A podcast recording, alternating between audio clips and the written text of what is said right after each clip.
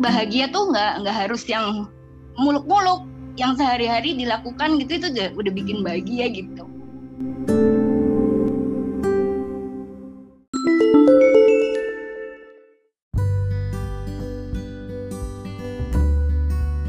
Bukunya buku bahasa Jepang. Eh maksudnya buku terjemahan bahasa Jepang.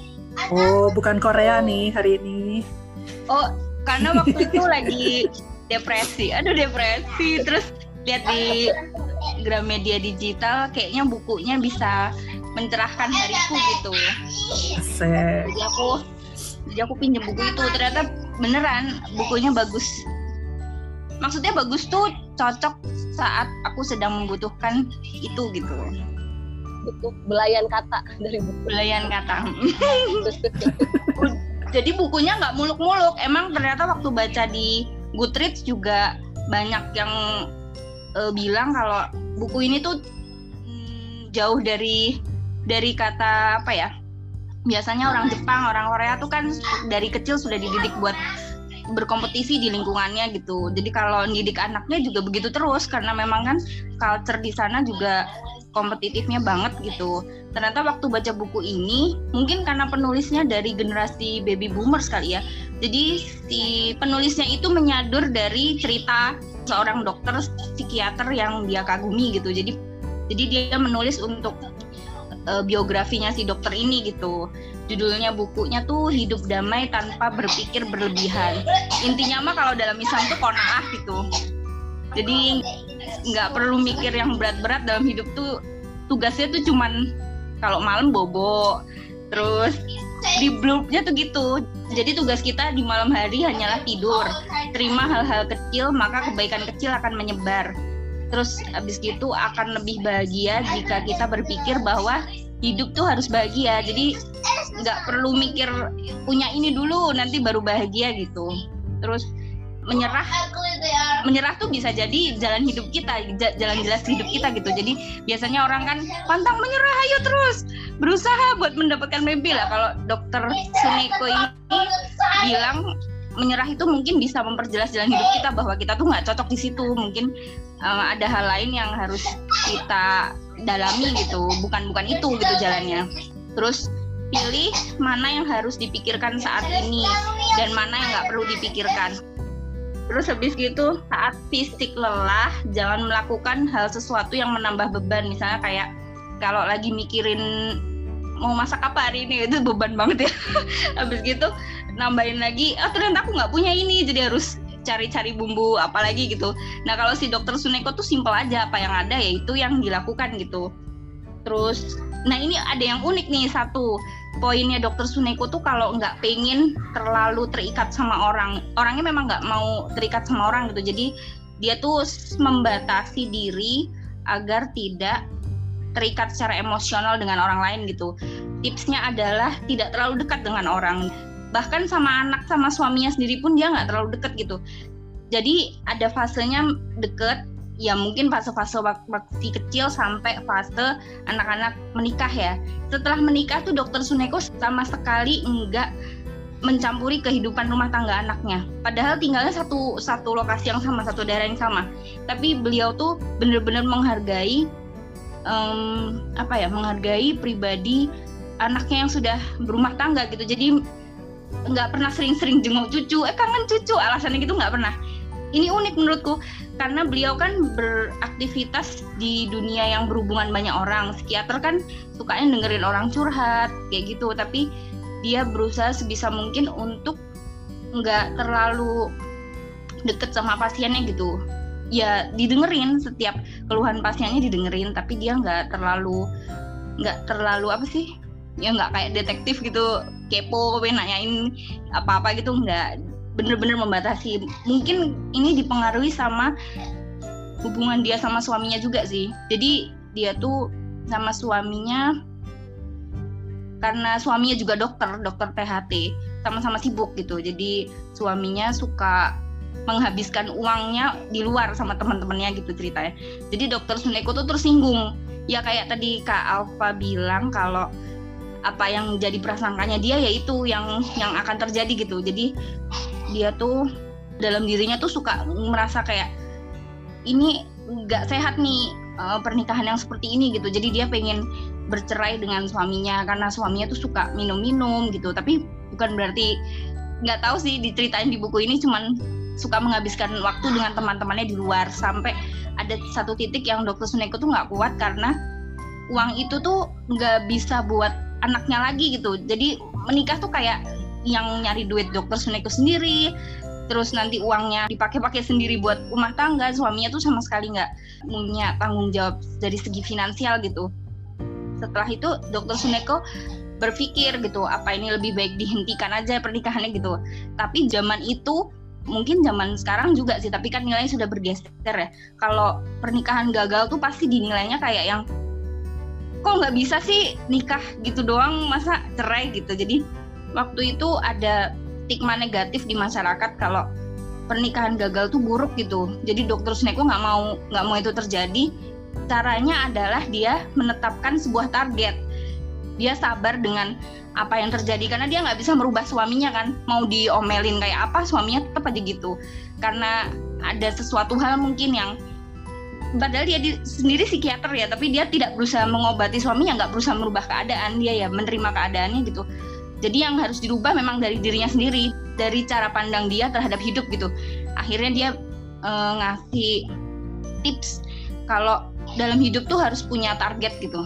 Targetnya nggak usah muluk-muluk. Kalau sehari ada target satu, misalnya aku hari ini mau nulis satu artikel gitu, ya udah itu aja gitu.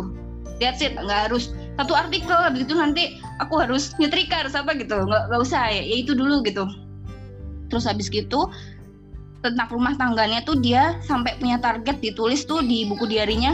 Kalau dia tuh mau pernikahan ini hanya sampai anaknya menikah. Karena menurut dia setelah jadi penerima tamu terus uh, kalau di Jepang tuh katanya nikahnya juga sama kayak di Indonesia mungkin ya. Jadi anaknya bersanding sama pasangannya terus nanti keluarganya tuh saling menyambut tamu yang masih yang begitu gitu. Kayak di Jawa tuh kayak ada kuadenya gitu. Jadi kata dokter Suneko dia cuma sampai sebatas itu tok. Begitu anaknya nanti mentas pernikahannya ambiar ya udah gitu. Ternyata e, seiring dengan berjalannya waktu ada terjadi perubahan sama suaminya gitu. Melihat kesabaran dokter Suneko nggak pernah ditegur bukan nggak pernah tegur ya. Mungkin ya adalah terjadi uh, gesekan-gesekan tapi nggak mm, nggak minta cerai nggak yang gitu-gitu gitu. Jadi suaminya tuh jadi melunak melunak lama-lama berubah. Pas udah mulai usia um, usia anak-anak mereka menikah ternyata pola hidup suaminya juga jadi berubah. Lalu dokter Suneko nggak jadi gugat cerai. Jadi rumah tangganya lebih baik sama-sama saling berubah sama-sama saling memahami dan sama-sama bisa apa ya menekuni profesinya masing-masing gitu. Jadi nggak saling menghambat meskipun mereka menikah. Dokter Suneko tuh sampai sekarang umurnya katanya udah 90 gitu deh. Itu masih seminggu tujuh seminggu enam kali apa tujuh kali ya pokoknya seminggu full tuh masih ke rumah sakit bolak balik masih ada pasien suaminya udah meninggal jadi setelah rumah tangganya membaik itu semuanya jadi membaik suaminya pun katanya sampai meninggalnya pun baik gitu. Jadi maksudnya meninggalnya tuh nggak ngerepotin gitu nggak sakit yang bertahun-tahun gitu nggak. Sakitnya ya hanya saat sakit terus rumahnya tuh dirombak jadi kayak orang yang ramah ramah sama apa sih kalau yang nggak bisa jalan gitu ada ada pegangannya gitu-gitu. Itu udah dirubah gitu tapi bener-bener nggak -bener dirawat sama sekali sama bukan nggak dirawat ya maksudnya nggak jadi rawatan dalam waktu yang lama nggak dituntun banyak gitu akhirnya meninggalnya juga baik kata dokter Suneko. Jadi maksudnya buah dari kesabarannya dokter Suneko itu begini loh gitu. Jadi bahagia tuh nggak nggak harus yang muluk-muluk yang sehari-hari dilakukan gitu. Itu udah, udah bikin bahagia gitu. Jadi waktu baca tuh aku langsung kenapa harus depresi? Karena hal kayak gini doang. Ya kemarin tuh sempet ada banyak ketakutan gitu karena karena satu hal. Mungkin kalau aku ceritain ke orang lain nggak akan relate sih karena karena ini bagian dari apa ya kerjaanku sendiri gitu. Jadi waktu malam ini tuh terus baca buku dokter Suneko tuh rasanya kayak ya ampun masalahku mah nggak ada apa-apanya gitu. Waktu baca tuh emang emang ada bab yang itu. Bab yang masalahmu tuh nggak akan lebih besar dari orang lain gitu. Jadi ngapain juga dipikirin sampai segitunya gitu. Iya juga sih. Akhirnya terus sadar sih jadi waktu ditulis di buku hidup damai tanpa berlebihan tuh ada banyak insight yang menurutku tuh relate sama Al-Quran gitu. Jadi waktu baca tuh jadi kayak inget oh iya ya di surat ini ada ada juga gitu. Jadinya aku seneng banget abis nyelesain buku. Jadi waktu baca tuh bener-bener dihayati kayak yang 160 halaman tuh kayak yang lama banget selesainya. Karena setiap lembar tuh dibacanya asik banget. Terus habis gitu eh iya ya eh iya ya gitu. Jadi pas eh iya ya iya itu sambil nulis. Per insight itu aku bikin 6 blog post dan satu blog post untuk presensi khususnya gitu. Puas banget sih bacanya. Ada kutipan nggak yang ini banget yang itu ya yang bikin kalian hmm, ini banget gitu? Kutipan yang aku banget ya aku banget nih. Kalimat. Udah aku tulis di blog sih cuman yang kena banget itu pas bagian ini sebanyak apa pun waktu dan usaha yang dicurahkan sebanyak apa pun uang yang diberikan anak-anak tuh nggak akan merasakan jika yang dilakukan itu demi demi mereka gitu. Itu kan cuma demi gengsi pergaulan orang tuanya bukan ketulusan dalam membesarkan mereka. Jadi aku tuh selama ini kan kalau kerja tuh kayak yang suka ditegur sama ibu juga sih kayak yang kamu tuh kalau kerja nggak nggak ngeliat anak. Memang kalau freelance kan gitu ya jadi kalau ada lagi ada job tuh optimasi tuh terus aja seharian tuh. Bisa sampai selama beberapa hari setelah itu baru laporan kita kan. Itu tuh bener-bener kayak yang anakku sempat protes gitu. Mama tuh kalau kerja dapatnya hasilnya berapa gitu nanya-nanya gitu. Terus udah umur 8 tahun jadi mereka sudah bisa berpikir gitu. Nah anakku yang kedua nih kritis banget. Orangnya tuh suka semua semua dikomentarin gitu. Jadi dia komentar memangnya nggak cukup ya gajinya Abi gitu? Terus sejak itu aku mikir wah anak ini kok bisa mikir gitu gitu. Padahal kan aku juga menurutku kerja tuh bukan memang memang bukan buat kebutuhan hidup kan. Cuman buat kayak yang kalau ada jajan jadi aku bisa jajan sendiri gitu. Nggak nggak nggak usah minta suami gitu. Waktu baca bukunya dokter Suniko tuh langsung yang berasa kayak oh iya ya selama ini aku tuh ngejar apa? gitu. Karena di salah satu quote yang dokter Suneko juga ada sih yang bilang kalau apa sih yang kita kejar? gitu. Kenapa kita harus selalu menuntut sempurna? gitu. Jadi ya itu tadi menurunkan standar buat hmm, bukan dalam artian ya namanya juga punya pekerjaan kan pasti punya standar dalam mengerjakan tapi tidak berarti tidak bertanggung jawab gitu. Tapi maksudnya tuh selama ada anak-anak ya prioritaskan keluarga sama anak-anak dulu gitu. Karena mereka kan nggak bisa nunggu.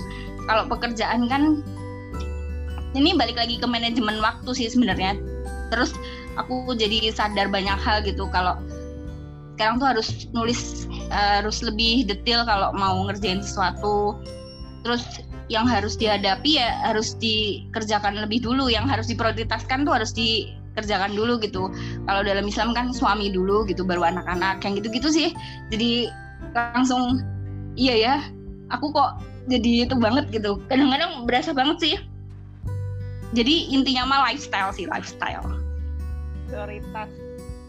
Iya maksudnya tuh kalau orang zaman sekarang tuh kan dituntutnya serba simpel gitu. Padahal simpel itu tetap harus ada prosesnya. Misalnya kayak masak salah satunya. Kalau dimasak sendiri penuh cinta itu kan beda sama yang beli gitu gitu gitulah sama kalau ini sih kalau menurut aku kita harus pilih-pilih kerjaan juga sih akhirnya. Apalagi ya, kita mungkin mm -hmm. sama sih ya ngeblok itu kan buat happy happy gitu ya harusnya ya. Terus kalau malah mm -hmm. jadi menyita waktu kita terlalu banyak kita harus mikir lagi ini sebenarnya mungkin prioritas kita jadi udah ngutamain blog malahan daripada kerjaan yang lain-lain kan gitu. Jadi kalau aku malah ngurang-ngurangin tanggung jawab yang bukan tanggung jawab utama gitu loh. Makanya kayak kita berkomunitas pun aku suka kita kurangin jam online kita kurangin ini gitu loh.